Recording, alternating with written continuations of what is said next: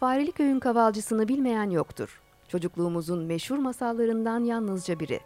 Pamuk Prenses ve Yedi Cüceler, Kırmızı Başlıklı Kız, Çizmeli Kedi, Uyuyan Güzel ve daha pek çoğu. Tüm bu masallar gibi Fareli Köy'ün kavalcısı da 18. yüzyılda yaşamış olan Grimm kardeşler tarafından derlenmişti. Grimm masallarının orijinalleri çoğunlukla tüyler ürperten detaylar içerir. Metinlerin üzerinde oynanmamış halleri aslında Orta Çağ'ın karanlık gerçeklerini gün yüzüne çıkaran tarihi birer kaynak. 1200'lü yıllarda Almanya'da geçen Fareli Köy'ün kavalcısı da bunun en önemli örneklerinden biri. Küçükken severek okuduğumuz bu masalın aslında Kudüs'ü Müslümanlardan almak için yola koyulan 12 yaşındaki Stephen ve peşindeki binlerce çocuktan esinlenerek kaleme alındığını kim bilebilirdi ki?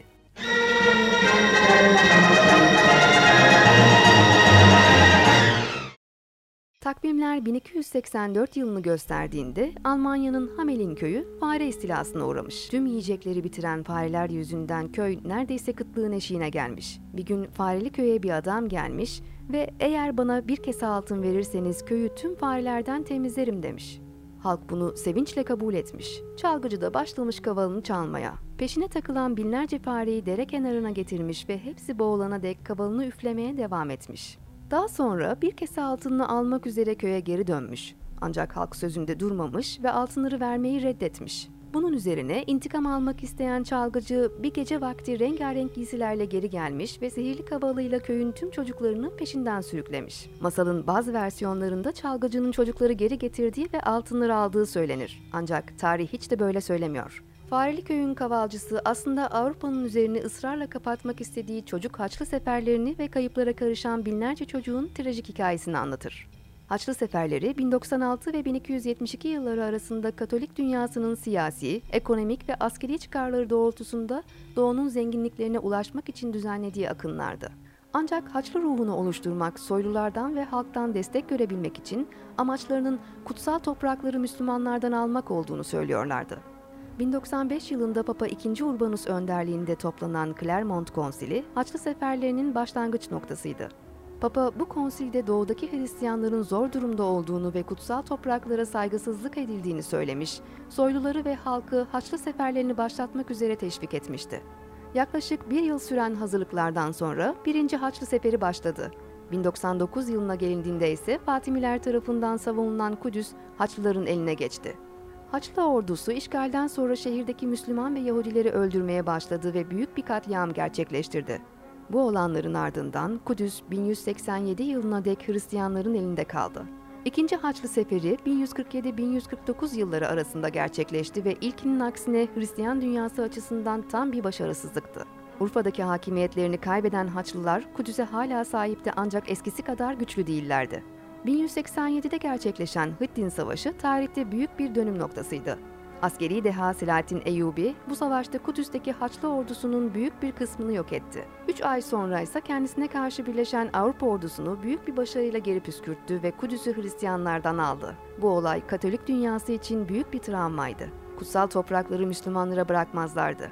Bu yüzden hemen harekete geçtiler ve 3. Haçlı Seferi'ni düzenlediler. Ancak yine hüsrana uğramışlardı. Bu başarısızlıklar Papa'yı ve diğer din adamlarını durdurmaya yetmedi. Halkı ve orduyu kutsal toprakları almak ve doğunun zenginliklerine kavuşmak için kışkırtmaya devam ediyorlardı.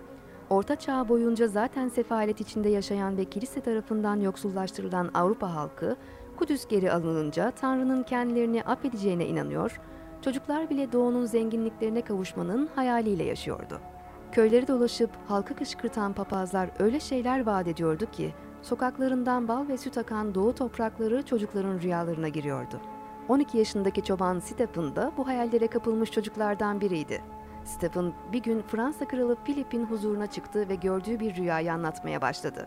Rüyasında yaşlı bir adam kendisinden yardım istemiş, sonra da ona bir mektup vermişti. Hz. İsa'dan geldiğini söylediği mektupta ise şunlar yazıyordu. Kudüs'e git ve kutsal toprakları al. Sen bu iş için seçildin.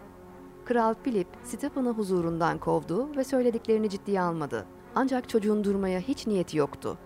Köyleri ve manastırları dolaşıyor, gördüğü rüyayı herkese anlatıyordu. Haftalar geçiyor ve Stephen'a inanıp peşine takılanların sayısı gitgide artıyordu. Papa ve din adamları da onu destekliyor, ailelere çocuklarını Stephen'la göndermelerini, çocukların masum kalpleri sayesinde Kudüs'ün geri alınacağını söylüyorlardı. 1212 yılında kilisenin yüklü miktarda yardımı ve kışkırtmaları sonucunda yaklaşık 30 bin çocuk Kudüs'e gitmek üzere Stephen'ın önderliğinde yola çıktı. Bu durumdan rahatsızlık duyan Kral Filip, askeri müdahalede bulunup bazı çocukların evlerine geri dönmelerini sağladıysa da halkın verdiği destek sayesinde birçok çocuk yolculuğa devam etti.